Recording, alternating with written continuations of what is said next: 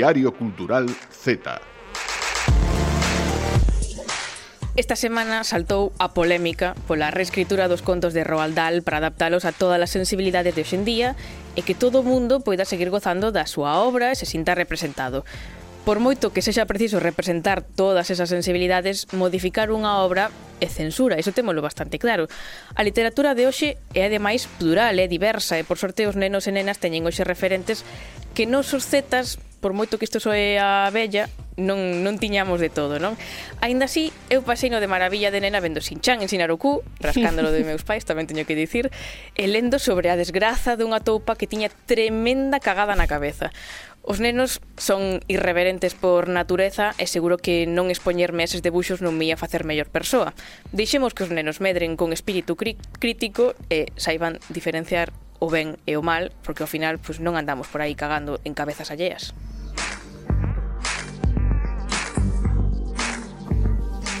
Bos días, boas tardes, boas noites Benvidos ao Estudio Multimedia da Radio Galega A este Diario Cultural Z, Silvia López Marta Coira. Hola, hola. ¿Qué tal? Estamos a completo. ¿Algún referente infantil irreverente? A mí no me deixaban ver Sinchan. Non te deixaban ver no. Sin ves? Aí, censura, Silvia. Xa. E non o vías. A mí non me deixaban ver os Simpson. Tampouco. A mí tampouco, Tamén. pero porque cadra a hora de comer había que ver os informativos. Ai, no, pero aí, na, na, que me lo parto. na miña casa tiñamos unha disputa entre ver Oliver e Benji ou os Simpson unha temporada na que ganaba co Simpson, pero dixeron, eso eres moi pequena para eso, vamos a ver o libro. Era máis light. Claro, entonces, bueno, máis light. Se alguén sabe o final de Oliver e Benji, bueno, pues Que me digas eh, é máis light que no, los Simpsons. Imos, a, eh, imos eh, recuperar os traumas dos que falábamos a semana pasada con o Puente de Efectivamente, continuamos, hai moitos traumas que Temos decir. moitos traumas, pero nada, que os nenos e nenas de hoxe están ben protegidos e que non lles vai pasar nada pois por ler a, a Matilda, Charlie la fábrica de chocolate, todas estes, estas historias, e por ver Sin Chan, que é maravilloso, tengo que dicir. eh, outro novo Z, estamos por fin as tres recuperamos un pouco de, de forma. Sí, e vimos cargadiñas de Vimos contidos. cargadiñas, eh. Con moitas ganas. Imos de viaxe. Non moi lonxe? Eh, non moi lonxe, pero bueno. había que estar en Portugal, eh? non que estivéramos. Por nunca. certo, o outro día estiven xusto no Padornelo. A ti dixenche Lucía? Sí. Mandei no. unha foto. Pois pues Marta, estiven no Padornelo. Teño unha foto. E que tal a experiencia? Pois pues pasei por ali. e eh, punto. Chantaches unha bandeira galega no, no Padornelo? No, no, no. Vale, no. nada, nada de reivindicación, no? Eso deixámoslo para outro día. Sí, pero que, que no, que vamos para outro lado, para a fronteira do outro imos lado. Imos para baixo, imos sí. para o sur, imos para Portugal, que había que estar, e hoxe imos estar.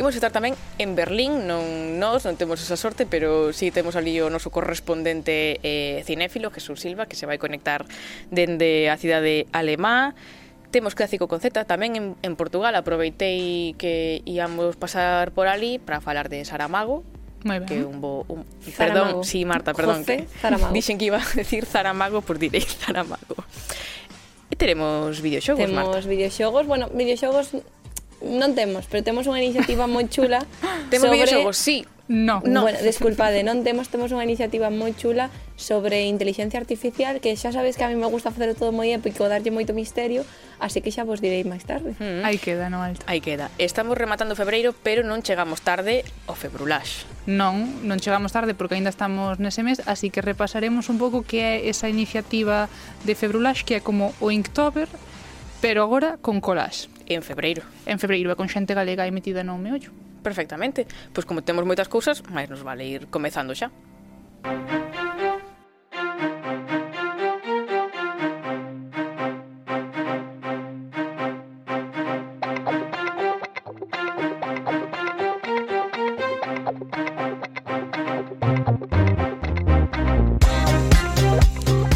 E como dicíamos, eh, saímos moitas veces máis a la do Padornelo e ata agora non sairamos nunca a Portugal, que é que iso, non se non pode ser. Por como non cruzáramos nunca a raya? Entramos a mea culpa e vimos sí. rectificar. Sí, hoxe solucionamos pois esta pequena inconveniencia porque galegos en galegas en Portugal hai non sei, e hainas e moitas. Por exemplo, Marta, ti tes unha experiencia portuguesa. Sí, sí, sí, sí. Eu fun e xa volvín, estuve en... xa te vemos. Claro, estuve en seis meses no, no Algarve, precisamente na cidade de Faro, eh, de outubro de 2021 a maio de 2022, xa fai menos dun ano que eu andaba por ali, uh -huh. teño que decir rapazas que algo que voto de menos porque a experiencia nin boa nin mala, depende do que falemos. Xa xa xa compararemos experiencias, eu teño que dicir ben. que no tema da, de, de, de diversión e tal, bueno, ben, pero no tema do idioma sí que me fastidiou un pouco, porque os galegos temos pensamos que Portugal é o noso irmán, que vamos xuntos da man, que vamos a tope en plan para formar un país galaico-portugués, e iso para nada. Eu cheguei aí e a miña sorpresa cada vez que falaba galego porque era algo que se asemellaba ao portugués, decíame, "Ah, eres española", en contestábame en español, porque no por Algarve, insultando. Claro, no Algarve outra cousa non, pero idiomas manexan. Pois a ver se mm, imos poder comparar a, a túa experiencia coa da nosa convidada porque outra galega que agora mesmo está en terras portuguesas do, do sur é Lucía Salceda García que traballa como lectora no Centro de Estudos Galegos da Universidade do Algarve. Lucía, que tal? Hola, boas tardes, que tal? Escoitadesme ben? Hmm. Perfectamente. Perfectamente, sí. Non sei se este xa vale. de entrada algo que recriminarlle a Marta. Decir, no aquí enténdeme perfectamente, non me chaman española, No, sí é certo que mm, cando escoitan o teu acento pasan rapidamente ao español, pero teño sorte porque eu practico bastante o portugués, porque ademais de que vin aquí porque me gusta, intento e xa conseguín falar portugués e que non me pase en español, xa me contestan en portugués. Oh. Así que vou ben, vou ben. É unha victoria, Lucía, algo que eu intentei durante seis meses porque eu decía, bo tarde, e decíanme, española, verdad que quieres de tomar? Eu, en plan, pronuncí dúas palabras, como sabes de onde son, por favor? Sí, sí, completamente. Ou que che falen en inglés, que tamén me ten pasado, eh, como, jolín, que de verdade estou intentando falar portugués, entendo. Pero eu creo que, non sei ti, eu creo que non é algo en contra, hai que decirlo, do, de ningún idioma, é que eles ao dedicarse ao sector servizos, é a impresión que eu me levei. Tú, ti suscribirás ou non, Lucía.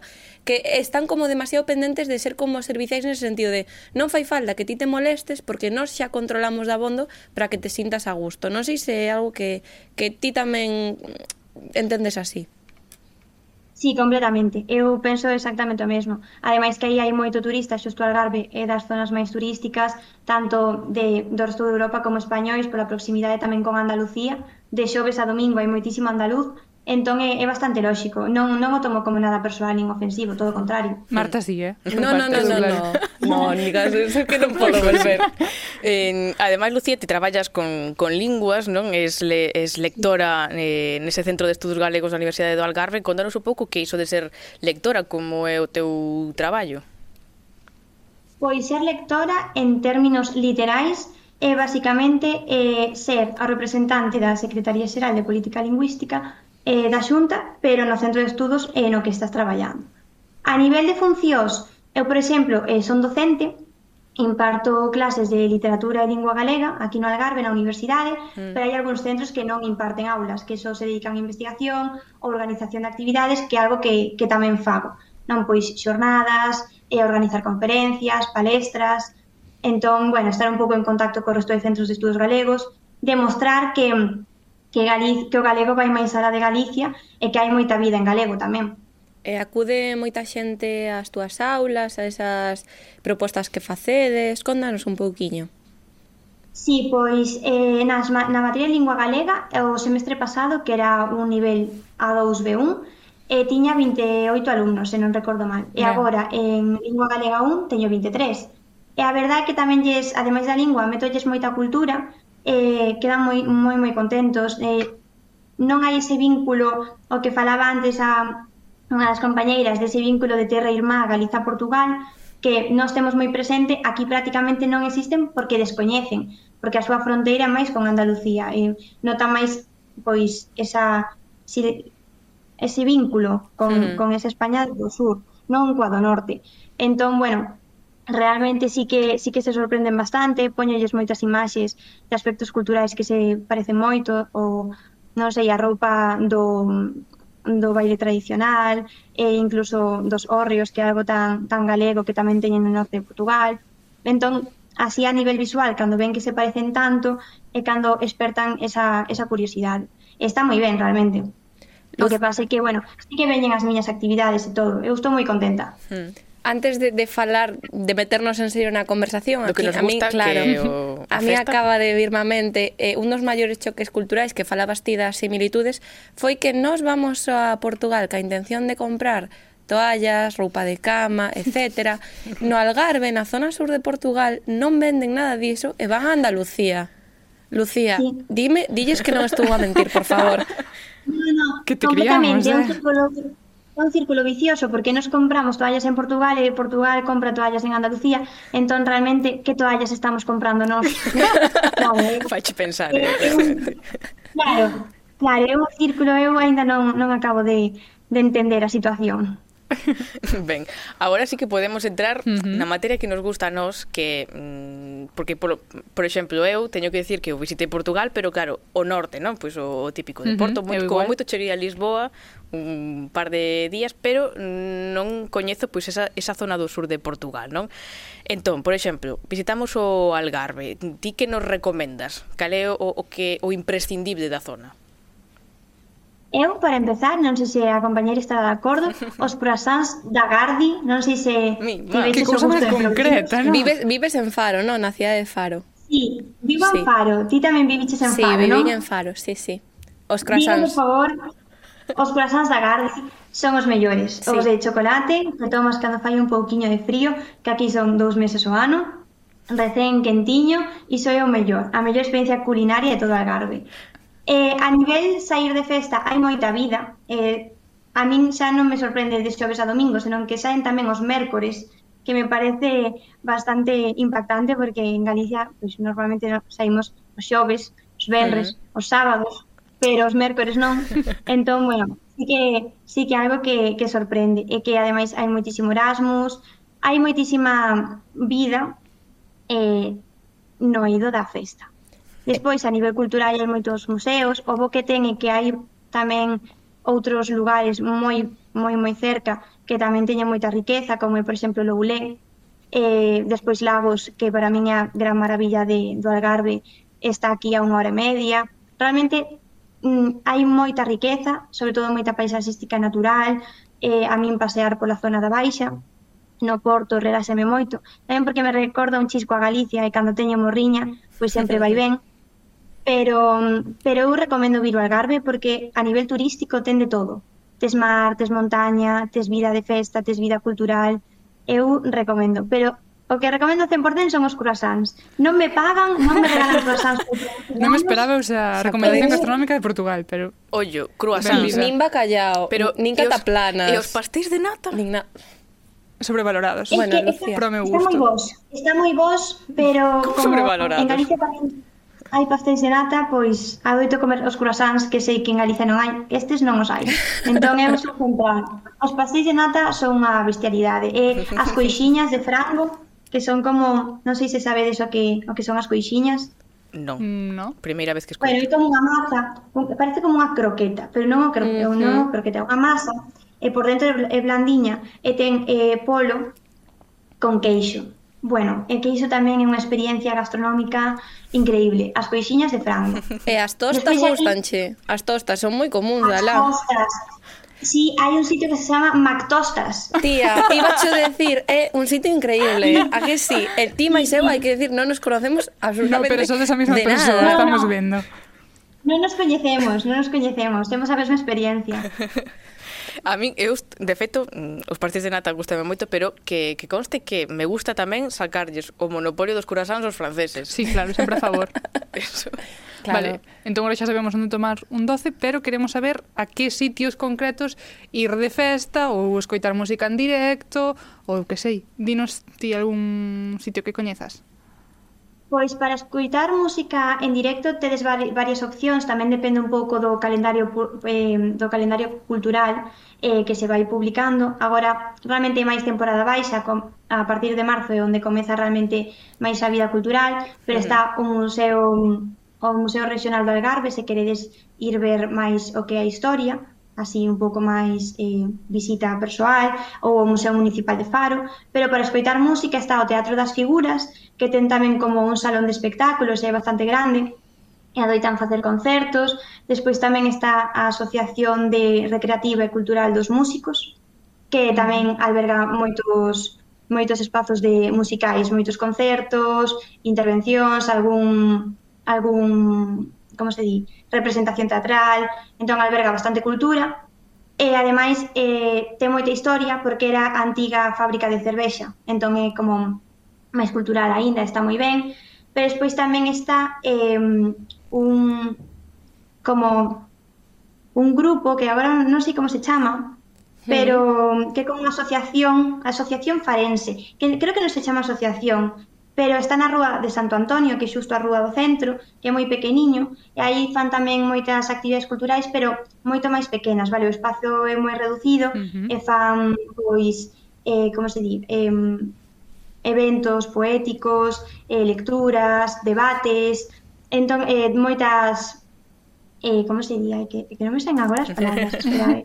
exposicións, exposicións fotográficas e todo iso, entón está moi ben. O que pasa é que ese sí que é moito máis pequeniño, queda aí no centro, eh, e non se chama Asociación Farense, ten outro nome, eh, Grupo Farense Club. ou algo así, Club, non lembro. Club Farense. Club, Club Farense, iso, iso, grazas, que non me saía a palabra. Club Farense, que queda aí eh, o lado dos croissants. a ver, é que Faro, Faro é unha cidade moi pequeniña, bueno, a zona bella que esta que estamos a falar é unha zona moi pequena, pero hai moitísimas moitísimas cousas e hai algo, Lucía, que eu che quería preguntar que aínda non saleu a colación, que son nos sitios para sair está a baixa, pero que no Algarve flipades que a cantidade de festas que se fan na propia universidade. Non sei se ti fuches algunha, sí. pero eu teño ido e poñen aí cada semana Superboc, a outra, Sagres e montan aí unha festa, non sei, hasta que horas da mañán. Que tal a túa experiencia?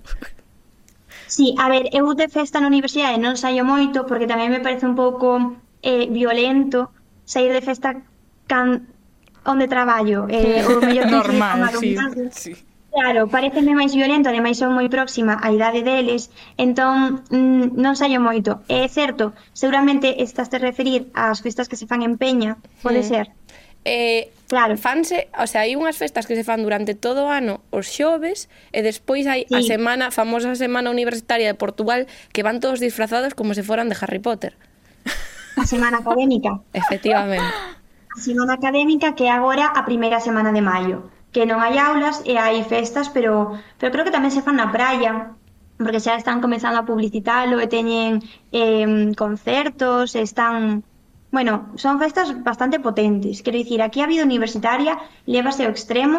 Eu na Universidade de Vigo non tiven tanta experiencia. E agora como profesora, cando estou aí, no, en, bueno, eu estuve no campus de Cambelas, vexo, jo, pois que, que envexa tamén porque realmente teñen unha vida eh, descomunal. Os xoves non é que vayan disfrazados, levan eh, un conxunto que se pon os xoves e que polo que me explicaron algunhas alumnas era como para unificar, que todo o mundo fose vestido igual e que non houvese nos seus comezos distinción de clases. Vale, que non que era como para igualar a todos os estudantes e como para defender pois a, a educación pública. Foi un pouco a historia que me contaron as de literatura galega eh, na aula. E, e os xoves pon, poñense, bueno, non todo o mundo, pero eh, sí que van todos vestidos iguais, e azul, levan unha banda, e ademais eh, fan moitas actividades, iso é certo. A vida universitaria aquí é unha cousa increíble. A primeira semana do curso teñen as novatadas, que para eles é super importante, é como un tema sagrado e ten, tense que facer. De feito, ser, ser tunante, eh, estar na tuna, é algo super popular aquí, eh, é algo que para non ser tunante, pois non ten ese, ese atractivo. E aquí ser tunante é unha cousa increíble, ser popular completamente. Que fantasía de Somos libros de, respeto, de América. Sí, sí. No, Quero pero... dicir que, que os estudantes aquí viven completamente con moito respeto a esa tradición. Hmm. Eh, eh, non sei ti, Silvia, porque Marta xa é gran coñecedora, pero sí. estou descubrindo un Muy Portugal ben, maravilloso. ¿eh? Sí, eh? Moi ben. Eh, imos ir eh, agora mesmo para para Portugal. Home, se convidas. Marchamos. Mar, home. Os vos están, depende da época, están moi baratos. Pois pues hai que, é que hai, hai, temos que ir correndo, porque eu quero probar os croissants. eu quero comer pastéis de nata temos que ir a lagos. Esas, a lagos, a... Uh -huh que temos moitas cousas que facer. Eu espero que, mm, Lucía, que nos que nos recibas cos brazos abertos, que aquí temos, bueno, sí, temos, levamos a Marta de guía, pero tamén tamén contaremos contigo, seguimos. Sí, sí, sí, cando queirades. pois, Lucía, un auténtico placer falar contigo. Moitísimas grazas. No, grazas a vos pola invitación. Diario Cultural Z.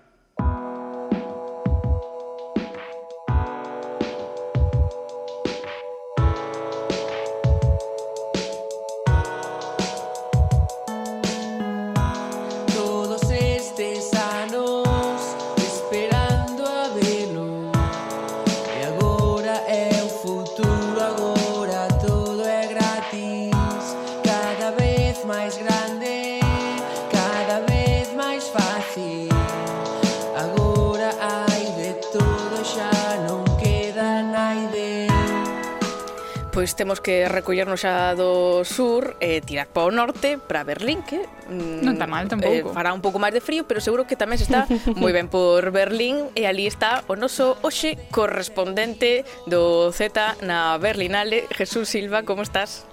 Hola, moi boas. Hola. Moi ben, todo ben, todo ben por aquí. Vai vai frío efectivamente, pero pero nada, encantados de de poder estar retransmitindo ese dende aquí. Que maravilla. Ti, mm, per, no persoal, que, que te está parecendo esta edición do festival? Pois está sendo, verdade, increíble. Eh, isto xa é algo que, que avanzamos eh, no último programa, non? Eh, hoxe xa, xa avisei que ia estar gravando a sección do Festival de Berlín precisamente mm. porque porque este ano tivo lugar aquí un feito histórico para o cinema galego, non? Eh, avanzábamos hai unhas semanas, pero para aqueles que, que ainda non o saiben, pois por primeira vez na historia houve tres filmes galegos seleccionados na Berlinale. Eh, Sica, de Carla Subirana, Matria, de Álvaro Gago e Samsara, de Lois Patiño. Mm, tres películas que teño que dicir que temos moitas ganas de ver uh -huh. aquí, que se estreen pronto, porque estamos desellando velas. Sí, sí, pois por aquí de momento eh, o que se está recibindo é eh, pois todo boas novas, teño que dicir que todas elas foron iso moi ben recibidas no festival, estou seguro de que van dar moito que falar cando cando cheguen finalmente ás salas en Galicia. Con todo, Uh -huh. Hai unha delas que destaca especialmente, eh, no caso do noso programa, pola presenza de talento Z no, no equipo artístico. Así que hoxe, se vos parecimos centrarnos exclusivamente nela. Claro. Estou falando de Sica, que é unha coproducción galego-catalana, filmada na Costa da Morte, e protagonizada principalmente por actores non profesionais da comarca. O filme, que poderíamos encadrar dentro do xénero coñecido como Coming of Age, que é algo así como, como un relato iniciático, céntrase eh, no proceso de loito dunha moza de 14 anos, chamada Sica, que perde ao seu pai nun naufraxio, en extrañas circunstancias. Entón, se vos parece, antes de nada, imos poñer un pequeno fragmento da primeira secuencia do filme no que xa se intúe un pouco o, o ton da historia. Uh -huh.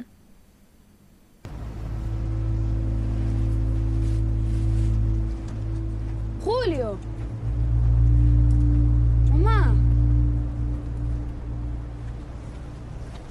se poden ir, temos que seguir buscando.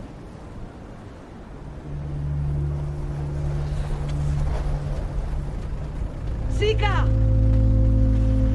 Sica!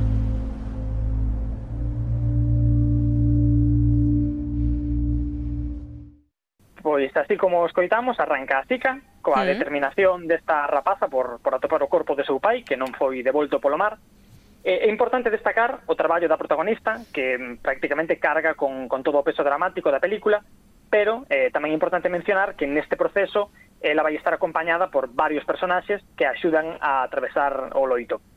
Pois ben, mm, gran parte do elenco veu a Berlín para presentar o filme, mm. así que eu aproveitei para entrevistar a algúns dos actores adolescentes da película, concretamente a Tais García, Marco Antonio Florido, María Villaverde e Lucas Piñeiro todos eles de entre 14 e 19 anos e veciños da Costa da Morte. Hoxe, sabes que non, non tens que facer presentacións, Lucía, porque Menos os mal. convidados Claro, porque os convidados aínda non teñen uns currículos tan amplos, non? De momento, que, eh. de momento, sí, de claro. momento, de momento, efectivamente. Eh, é o seu primeiro traballo, entón o que fixen foi pedirlles a eles que nos presenten eh, aos seus personaxes na película. Mm. O meu personaxe é Sika, é pois o que fai é, é unha rapaza que perdeu a seu pai nun naufraxio e vai no buscando desesperadamente. Eu interpreto o personaxe de Suso, que é un chico que el mismo se denomina como un cazatormentas. O seu pasatempo é, é cos seus aparellos, cos seus é, propios utensilios, cos seus cataventos, o que fai é medir o tempo e ser como unha especie de meteorólogo, pero en neno. Eh, este Suso, a, bueno, Mm, ao largo de que se desenvolve a historia vai a ir axudando a Sica e vai na ir, por así decirlo, guiando para que poida eh, pasar o trauma do seu pai.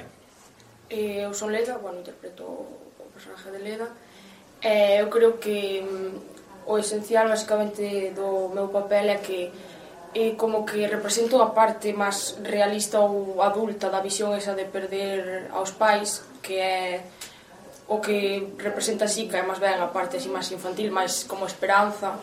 Eu son a súa mellor amiga e intento como pasar ese trauma facendo cousas diferentes e iso. Eu falo de Simón, que é un personaje que tampouco ten moito transfondo, pero é como fajo que son un mozo de Leda, eh, son motero así como medio malo, macarra, e fago que se distancie, Leda de Sica escoitábamos a, aos actores, os protagonistas de, de Sica, E nada, como dicía, todos eles son actores debutantes, eh, mm. sen experiencia previa no mundo do cinema, así que a min, pois, interesábame saber que foi o que máis lle sorprendeu, non? De traballar neste mundo, cales foron pois os principais desafíos que tiveron na rodaxe. Cando se está gravando, todo, por exemplo, cámara, sonido, son moitos moitos departamentos, por así decilo, que traballan individualmente pero que fan un conxunto e fan que todo vaya ben. O máis difícil, eh, a ver, non deixas de, de estar por primeira vez diante dunha cámara eh, con 20 ou 30 personas detrás eh, hai, bueno, hai unha presión e eh, ti sabes que por moi ben que fagan os teus compañeiros se ti o fas mal mm, mm, jodes ao resto do, tra do traballo do, dos demais entonces hai aí esa presión por traballar ben e por forzarte a, a interpretalo ben. A mí o máis difícil foi como os momentos de espera, porque tens un montón de momentos de espera. Tens que, é eso, basicamente, que dixo ele, non depende só de ti, depende de todo o conjunto, entonces, eh, cando tens que esperar, pues, é un pouco agobiante ou... Bueno, agobiante non, é máis ben aburrido, pero despois o resto compensa. A min o que máis me sorprendiu foi que todo o mundo estaba tiña un, estaba desempleando un papel. Era como cada un tiña na cadena fun, unha función moi específica e todos se movían así rápido, mirábase, nadie estaba quieto. Eu dixen, dios, que, que como mola. E despois tamén o máis difícil que me pareceu foi eh, momentos antes, como cando din eh, motor, tal, prevenidos, como a tensión esa de, uf, a ver si desta vai ou temos que gravar outras cinco máis. Came moi ben xa. sí, son majísimos. Sí, xa vedes que este ano ademais escoitouse claramente eh, o acento da Costa da Morte na, na Berlinale. Mm, Podemos mm, estar orgullosos diso, diso tamén. Eh, nada, como, como dicía María neste, nesta última resposta que, que interpreta a Leda, ao final todo o traballo compensa, non? Entón quixen saber tamén pois que foi o que máis desfrutaron do proceso, que destacarían especialmente desta experiencia eu o que te tratan como un rei. É como estás aí plantado necesitas algo necesitas tal bum, necesitas calquer cousa. E todo o mundo está moi pendiente de todos porque é como toda unha familia aí grabando a película se falla un en realidad fallan todos. Eh, a mí o que máis me gustou foi como a parte máis interpretativa porque sempre me chamou a atención e nada, pois que aprendes un montón. Bueno, a min un pouco como a Lucas eh, é un, A mí parece moi bonito eh, esa, Como esa cadea de engranaxes Que que se falla alguén eh, por, polo mínimo que sea pois temos que repetir a escena eh, tamén esa satisfacción de, de saber que todos o fixemos ben é dicir, esta escena vale eh, pasar ca seguinte eu penso que eso é o que máis me gustou e o que máis bonito me pareceu non? que te traten como un rei. Aí hai que, que que ser actrices rapazas. Eh, reivindicamos sempre dentro Z eh, o cinema precisamente como, como experiencia colectiva e como traballo colectivo, ¿no? de, de creación conxunta, moi mm. importante, como, como apuntan os actores. E nada, finalmente eu tiña curiosidade por saber se, se saíron escarmentados desta rodaxe ou, se, ou se quedaron con ganas de seguir traballando no audiovisual ou incluso de formarse no, no ido de interpretación. A ver que nos, que nos din. Eh, a mí, sí, a min a verdade é que encantoume e agora xa me planteé, bueno, xa teño decidido eh, estudiar en Madrid artes escénicas e agora cando acabe o bachiller pois mm, vou para lá. E eu, claro, eu repetir, eu xa empecé a facer máis traballos despois de Sica fixe, por exemplo, de extra en en outra en outra serie, máis eh, anuncios, eh, estou nunha nunha compañía que me chaman se si, si hai calquer cousa para min ou así, que non, non sei actuar, pero en calquer momento, cando non teña que estudiar ou facer outras cousas, pondreime a estudiar actuación fijo. Moi fan. Nós temos pendentes ver a película, sí. aínda non podemos vela, pero xa Apetece aínda máis. Eh, xa vos digo que se que estos son fantásticos, os catro actores son fantásticos, entón temos moitas ganas de ver a película. Eh, ti, mm, Jesús, que tal a biches? Ben, ben, eu non quero, non vou spoilearvos nada, no, no, no. agarrando, agarrando que poidades vela tamén, e que poidades ver o, o traballo do, dos actores que acabamos de escoitar. Simplemente, eh, dicir tamén que acaba de anunciarse que tanto Sica como Matria mm. van formar parte da competición oficial do Festival de Málaga, que se celebra nun par de semanas, e onde volveremos a ter moita presenza galega. Así que, sí. de novo, pinta moi ben este ano para o noso audiovisual e, e nada, sen máis, eh, agardo que iso que vos quedaran ganas e, e tan pronto poidades que vayades aos cines a vela. Moitísimas ganas. Eh, ademais vemos que hai moi bo futuro para para os actores e actrices galegas porque se se dedican os catro ao final, se teñen sorte e buscan un oco, pois seguro que nos traerán cousas ben ben fermosas no futuro. Jesús, mm, nada máis, de, seguir disfrutando que che quede que en Berlín. ben, que seguro que xa estás facendo iso. Eso seguro. Que traballes moito, que disfrutes aínda máis. Trainos un imán para a neveira ou algo. Coídate moito, non andes por sitios raros. Pouco máis que decir. Moitísimas grazas. Nada, sigo por aquí uns días máis, en nada, eh, para o próximo programa xa estou de volta con vos. Perfecto. Grazas, Jesús.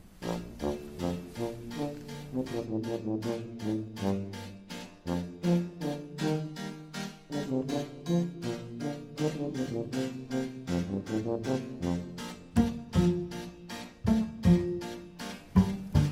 Oxe vou vos marear e imos marear tamén un pouco a, a audiencia do Z porque empezamos en Portugal mm. fomos para Berlín e agora volvemos a Portugal Está ben Bueno Portugal é o sitio do que non hai que marchar, Marta eh, Que eh, o que opino? Bueno, sempre está ben volver a casa Se a miña casa estuvera en Portugal non me queixaría, pero bueno. Eu tampouco, a verdade. Eh. que, que, que me quedaron moitas ganas de visitar o Algarve, teño que dicilo, eh, non sei. Mm, dos si, croissants. O dos, eh, que, Con o dos croissants. Eh, eh, antes de empezar ca sección, unha pequena batalla. Eh, sí. As miñas amigas cas que convivían en Portugal, todos os días tiñamos a necesidade de ir a comprar esos croissants. non, teñen, non sei por qué.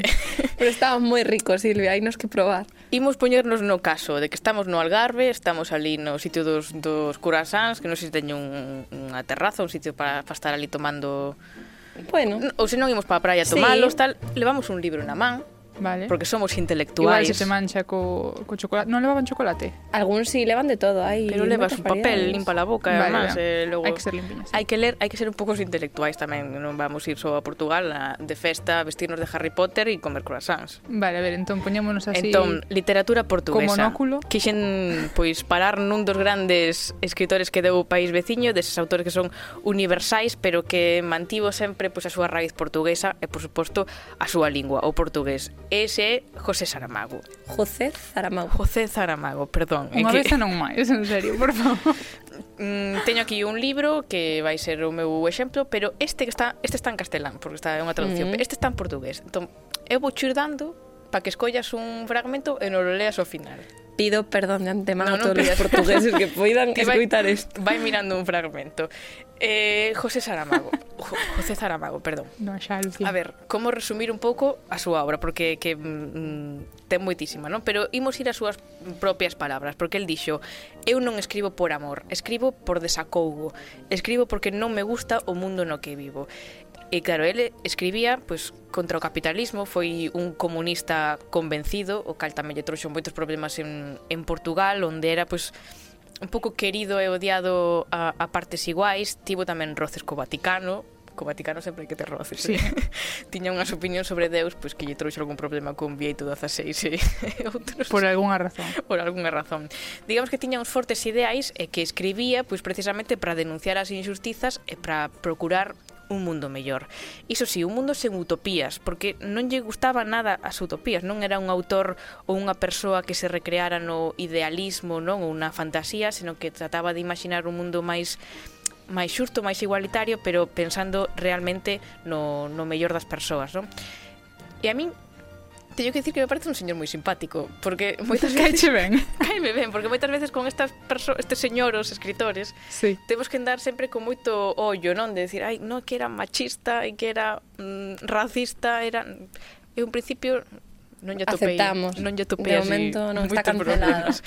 E que ademais de boa persoa pues, é bo escritor, non? Claro que por eso por eso está aquí. E ademais ata a data o único Nobel de literatura eh, portugués eh, unha anécdota que, que vos vai gustar, sobre todo a Silvia, porque sabemos que a Marta gustan os gatos, mm, pero unha anécdota que conta a súa muller, a eh, Pilar del Río, unha, a súa muller que, que é española, que cando Sara Mago se enterou de que lle andar o, o Nobel cando recibiu esa, esa chamada que todos esperamos unha vez pois o primeiro no que pensou foi en Camois pero non no poeta, no seu can que se chama Camois que vale increíble. Un personaxe lóxico. O sea, persoa que lle gustan os cans, bo escritor, que, que máis lle buscas sí, ao señor? Todo Nada. ben. E hoxe non trouxen un libro concreto, trouxen dous, pero podía traer unha, unha chea delas, sen aí o, o libro. non Porque... me está pillando. Un segundo, a ver. Ora? Ora? Tens que falar. Nada, es, pero estou falando. Nada, bueno, non se ve. Todos os nomes. To, todos os nomes. Eu teño aquí ensayo sobre la ceguera, pero mm, que publicou moitísimas cousas. O primeiro foi con 24 anos, a súa primeira novela, que foi A viúva, e ata os 87 que, que faleceu, xa deixaba tamén unha novela que foi editada póstumamente que se chama Alabardas hai títulos pois máis coñecidos, non? A Caverna, todos os nomes que ten aí Marta, o Evangelio segundo Xesús Cristo, e quizáis o máis máis máis coñecido mm, pois será este ensaio sobre a cegueira, non? Que mm, así por explicarlo un pouco brevemente, un libro que nos sitúa pois nun hipotético caso no que o mundo padece colectivamente unha epidemia de, de cegueira branca, porque ademais mm. é moi poético, non? Di que que ven como leite ou que, que teñen como leite diante dos ollos, é, é moi poético, é mm, horroroso pero poético.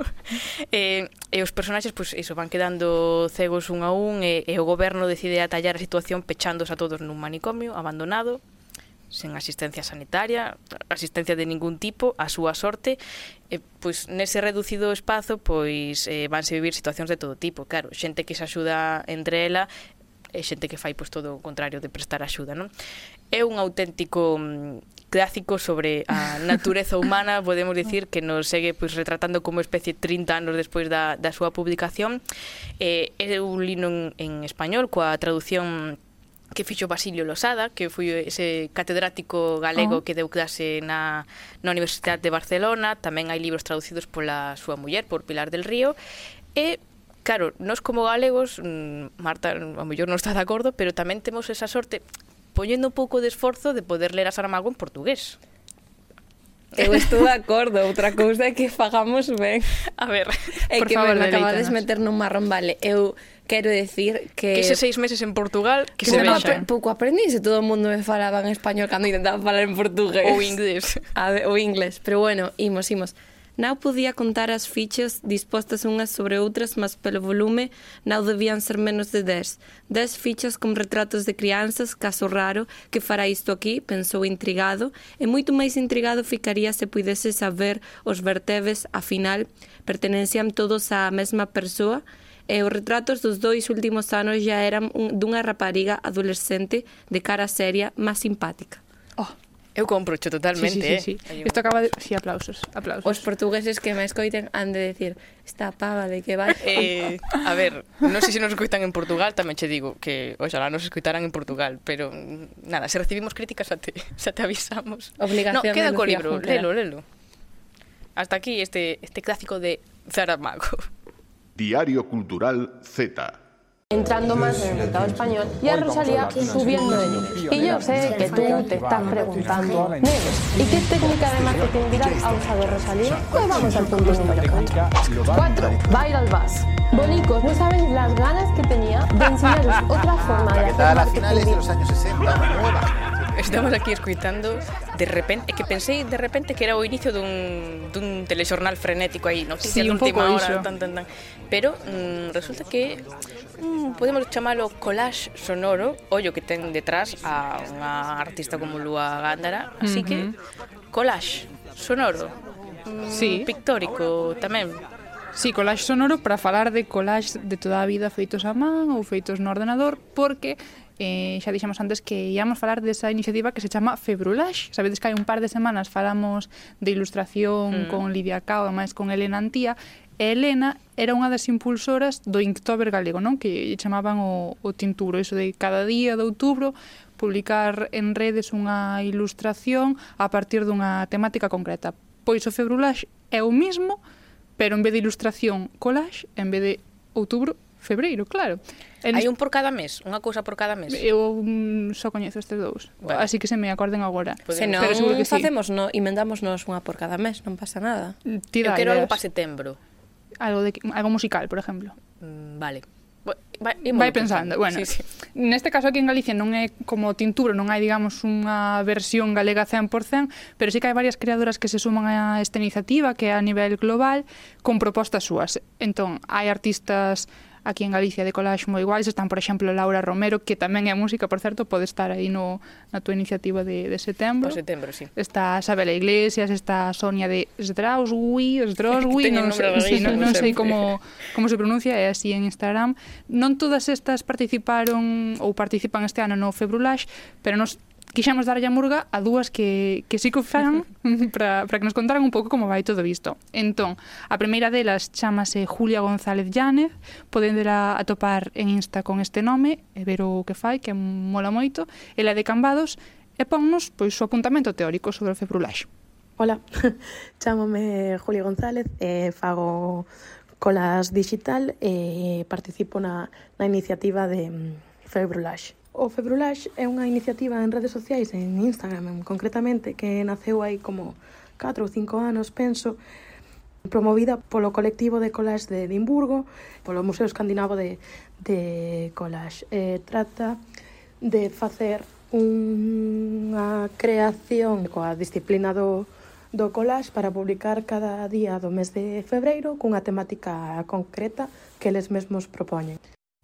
Entón pode ser collage digital que é o que fai Juli normalmente, pero tamén analóxica, uh -huh. Mm, vai de, de pegar ou colocar recortes físicos como a toda a vida, un pouco que se facía cas carpetas do cole, cas mm, fotos de famosos da Superpop ou da Mario Bravo, Casas pois, por unha parte, Mario Casas non faltaba. Facías eu non, pero miñas primas maiores sí. Que a nosa xeración xa non era tanto de facer collage ou... Eu tiña unha carpeta. A ver. A ver, Silvia, con que? Espera que me acabo de acordar agora, non me acordaba antes. Tiña unha carpeta que Buah, espera, porque a marca da carpeta ou algo que poña a carpeta era super pop sin ter nada que ver coa revista. Isto xa é a parte, pero na, na parte de atrás desa carpeta eu puxera fotos de cantantes de orquestra. tiña ao Cabant presidindo. Sí, en fin, bueno, podría estar neste februláxico. Sí, que Silvia, creo que eh, quero saber máis Ay, sobre, sobre a túa vida privada. No, no, sobre a miña no, pero si sí que imos coñecer outra artista, esta chamase... Laura Cabant, que non sei por que se ver, me acordo isto. Estamos nos reindo moito porque máis a Silvia non lle pega nada. No, no, pois, no, pois, pues, no. pois pues é que sí, amigas, aquí un, unha que é así. Ni el internado, ni los protegidos, no, ni nada. La, la acaban. Sí, sí, sí. Con estas fotos que daban... nos descansos das verbenas, pois pues, eu ia ali... Eu tiña unha camiseta de la Ocaban. Dios, Lucía. Non me defraudas. É que viñeron a suevos moitas veces. A, a San Paio, que é unha parroquia de Castro Verde, tamén foron, e aí foi onde conseguín esa foto, que despois estivo durante todo o curso. Moi fan, Silvia. Mm, debía anotarme este februlaxe, enda que chego un pouco tarde, pero bueno. A outra artista que imos coñecer hoxe é Lucía Guldris Quevedo, en redes... Para que pasa? É que o produtor aquí, Miquel, é moi simpático. Estou enseñando unha foto de Lauca. Vaya, vaya formación. É que... Non recordo se será a formación que estaba na miña carpeta. Por favor, seriedade, porque ahora non podo remontar. No, eh, seriedade, que estamos falando dunha cousa moi importante, Februlax. Sí, que unha das galegas que das artistas galegas que está seguindo esta iniciativa é Lucía Guldris Quevedo, en redes pode la topar, bueno, no seu Instagram como Lucía GQ, ela pois explicounos como é esa parte mm, do collage analóxico de irse propoñendo cousas a man como nas revistas. Si, sí, os meus colás son analóxicos, están todos feitos a man, non leva ningún tipo de, bueno, pois imaxe digitalizada, nada. Fagos con materiais antigos, reciclados, eh, pois mm, colecciono revistas antigas, de aí salen a maioría das imaxes, fotografías antigas, e logo tamén pois obxetos, obxetos que podes encontrar na casa, bueno, en calquera sitio. E todos teñen un común, a maioría levan a imaxe dunha muller, eh, e bueno, a muller está moi presente nos meus colás. Mm, se nos están escoitando polo podcast, que anoten mentalmente ir ao YouTube cando se sube este vídeo, porque aquí detrás na pantalla do Estudio Multimedia temos... Unha hamburguesa. Por favor, por favor, vamos ser serias. Al me que non é unha hamburguesa. É unha hamburguesa, sí. Monstruosa. Monstruosa porque foi o collage que propuxo Julia González cando tocou o día de Frankenstein. Entón, pois, ela fixo aí a súa hamburguesa con, con Esto, de verdad. Eh, hoxe, aportación mm, o noso técnico de Bruno, Bruno. o noso productor Miguel están sí, moi están inspirados. especialmente chistosos. entón, a, a Fran Burger está, é de Julia, eh, o outro é, é a proposta que fixo Lucía coa palabra saída a mí pareceme bastante guais, moi distintos entre eles, pero eu creo que refliten bastante ben pois, o estilo de, de cada unha. Se ides ás súas redes, veredes que teñen así como unha liña a seguir, e foi o que nos contou Julia González. A primeira vez que participei foi no ano 2020, eh, pero nada, participei con seis pezas ou algo así, nada máis, a vez que digamos que eu conto como primeira porque porque completei o mes enteiro de, de temáticas do, da, da iniciativa foi no 2021 que nada, sí que estiven así como moi a tope creando as pezas e foi cando podería decir que atopei o meu estilo, porque antes como que facía así cousas para diante sen pensar moito, pero foi nese, nese ano cando decidín como apostar por menos, menos cores, combinando esa cor máis chamativa co blanco e negro, e utilizando moito figuras de, de persoas, e, e buscando darlle un sentido un pouco máis aló, intentando que que cada unha das pezas contara un pouco algo. Máis alá do februlax, elas crean collage eh, no seu día a día, podedes encargarlle láminas se queredes, uh -huh. sempre a favor diso. Entón buscan que esas láminas conten cousas que teñan un sentido, pero realmente cando se trata do februlax, pois, o sentido pode ir cambiando no medio do proceso. Si, teño a palabra, penso na posible idea empezo a buscar. E na búsqueda está o divertido do collage, porque moitas veces a idea inicial que tes, eh, todo moi estructurado, pois cambia, de repente cambia. Chegas túas mans unha imaxe que, que che gusta máis, que pega mellor ca palabra ou ca temática que estabas buscando, e eh, nada, volta a empezar. Eh, eso está está moi ben. Neste ano, un dos últimos que fixen, a temática era eh, Ponte. Eu, en vez de utilizar unha ponte como tal, utilicei unha ponte dun instrumento, o sea, como un violín ou algo así. Entón, pois, é, é bonito precisamente por, por iso, sabes? Porque ves cousas máis máis creativas, todo é moi interesante, é, é, é bonito ver os, os diferentes puntos de, de vista. Teño na casa un montón de, de revistas antigas, periódicos e demais, os que de vez en cando acudo para, para rebuscar e a ver se si topo algunha foto interesante para metela no ordenador e xa ali pois facer as miñas composicións. A verdad que penso que mm, o método máis real, digamos, é o analóxico, pero mm, o mm, facer os collages en digital é certo que dá como moitísimas máis posibilidades porque as ferramentas que tes eh, pois con programas como Photoshop, por exemplo, pois son infinitas case, entón pois dá moito máis marxe a hora de, de crear cousas.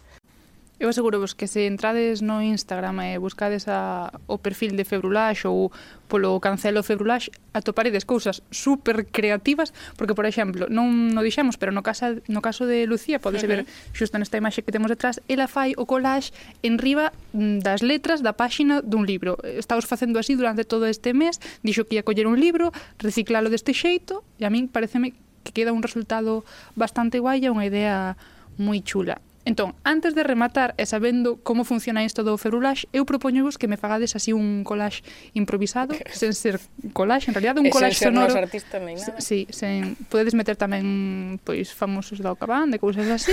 Entón, eu digo vos pois algún dos conceptos que, que tocou algún día desta semana vos colledes un e dicíadesme, dicídesme como o faríades nese caso. Mm, por exemplo, eh, propuxose as o sea, as de, de paxar ou de, de avión, do que sexa, viaxe, casa ou dinosaurios. A ver. Veña, Lucía, dalle. Eu xuntei dous conceptos.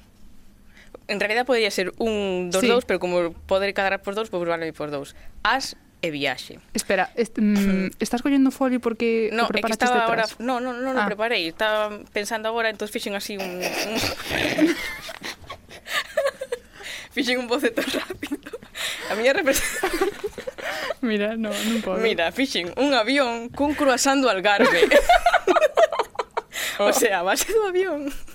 É que non se vai ver, porque claro, a, mm, a, no folio claro, aquí, que, con papel... Que, con contaba con isto? Pero imaginade un croissant Sí. É que claro, non é o croissant mm. típico francés de, de lúa, non? Sería como un croissant dos que son alongados. Mm. Entonces, pois un asas ao lado, é un avión, viaxe, mm, a máis viaxe gastronómica tamén a Portugal. Esa sería a miña. Vale. E a túa, Marta? A ver, Podes superar isto? No, a miña, a verdade, non é tan guai. Gracias, Tamén Lucía, lo dibuixei agora porque me avisou Lucía agora, en plan, Tens que facer un collage. Eh, bueno, eu xa non vos pedía vale, tanto, mira, pero vexo vos moi implicadas. As viaxe casa dinosaurios, vou explicar primeiro o concepto. O ah, pero concepto, tamén xuntaches todo? Sí, sí, sí. O meu concepto de, en vez de dinosaurios, collín a Godzilla, puxinlle unhas as, e viaxe casa, eu, a mí só me fai pensar en app na película tan chula. Entonces dibuixei a Godzilla con alas e, e quitei a casa de App e puxeno a él. E aquí podedes velo. Hai curgloviños. Claro, non de se verdad. Ve, o sea, o xa bueno. non se pudera ver, pero esa descripción maravillosa. nadie me rouba a idea, eh. No. Que isto bueno facer eu. Pero ano que no, ven participamos, no, no, no, no, no, no. Eu pido vos que soltades unha foto Destas colas que fiestas aquí debuxadas un pouco máis. Vale, sairán no noso Twitter en... por favor, Por favor, facedio. Con isto queda un pouco polo chan as propostas que fixeron as nosas convidadas. Non quero dicir non isto, non quería dicir isto, pero eras tamén lles fixen un pouco isto e propúxenlles o concepto Z. Que se lles ocorrería con esta palabra? Vale, se a palabra fose Z, poría a, a unha persoa dormindo unha boa cestiña e que lle saísen zetas. Un collage con Z, pois seguramente, claro, o primeiro que me ven a, a cabeza é a xeración Z, entón intentaría buscar algo que reflexase eh, a xeración. Non sei, a verdade que sería como complicado. Ou senón, os meus apelidos, que son González e eh, Llanes, as dúas, eh, os dous apelidos acaban en, en Z, así que igual, claro, tamén a, a mítica imaxe da película do Zorro, pois esa Z non sei, serían como esas miñas tres ideas de teria que, que pensar un pouco para, para chegar a un punto. Unha tormenta de ideas interesantes mmm, que iniciastes vos é para min insuperable. A min a verdade que, que escoitalas a elas digo, como a xente pode ter tanta imaginación? Sí, sí, porque nos fixemos aquí o, o chiste rapidamente, sí, pero isto pero... todos os días. Sí, todos os días durante o mes de febrero, vale que son 28 días, non Menos mal. 30 ou 31, pero que é un traballazo todos os días pensar aí algo. E todos os días facelo, porque non é o mesmo facer un garabato como acabamos de facer nós, que coller as imaxes, colocalas ben, etcétera, mm. etcétera. Entrade nos seus Instagrams que vos vai gustar, fijo. Moi ben. Eh, a ver se imos rematando, porque eu quero facer como que dixo Lucía e ir facer z z z z a miña casa.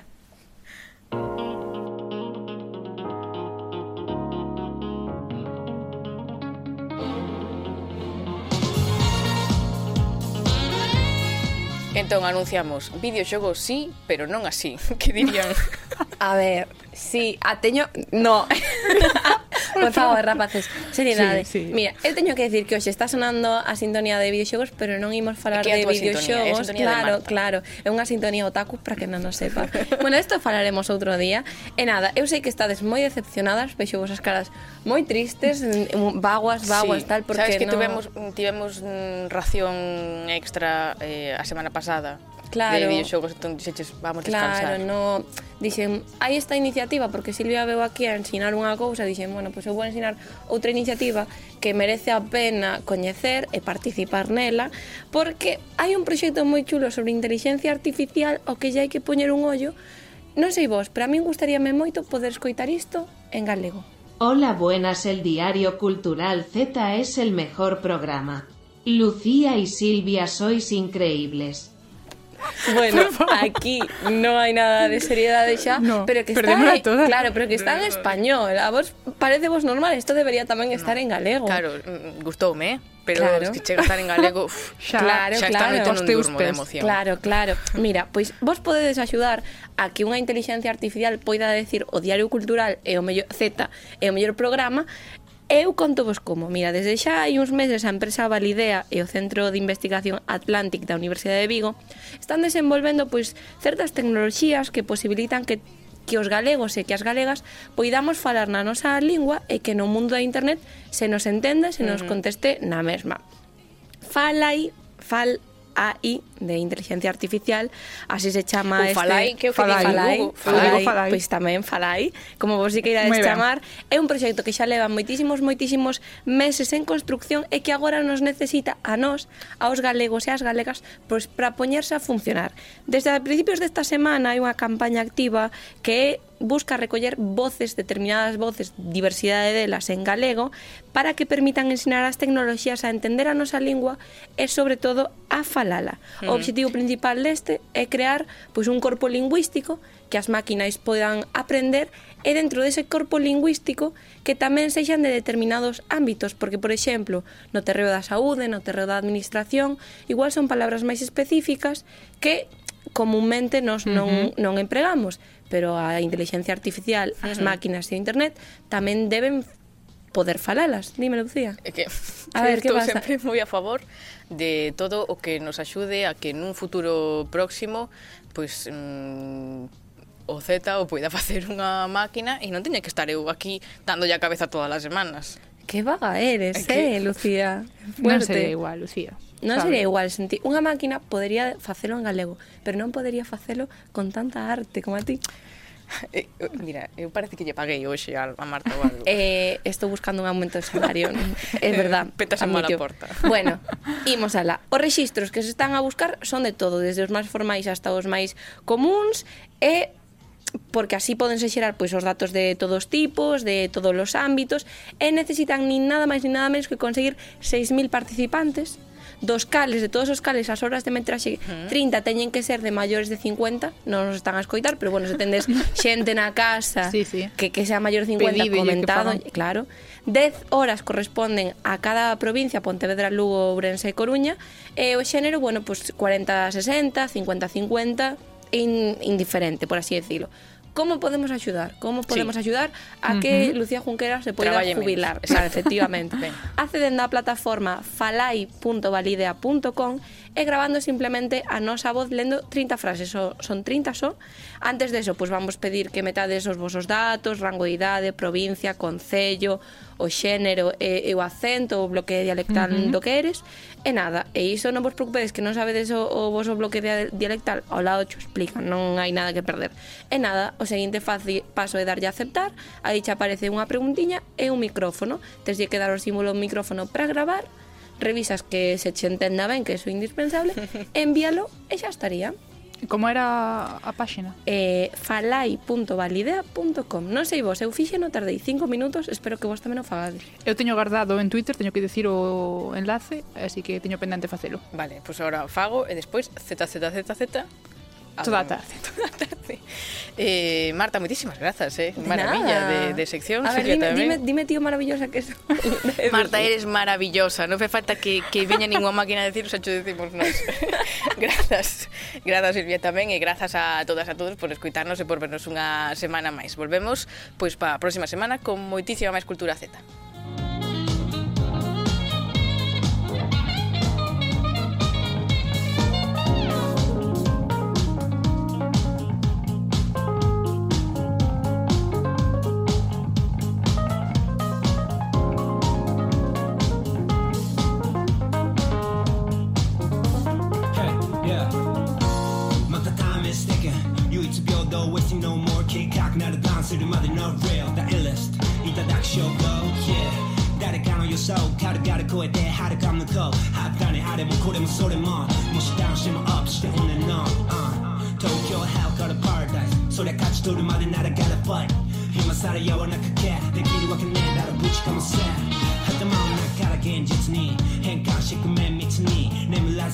礼儀すぎこのわが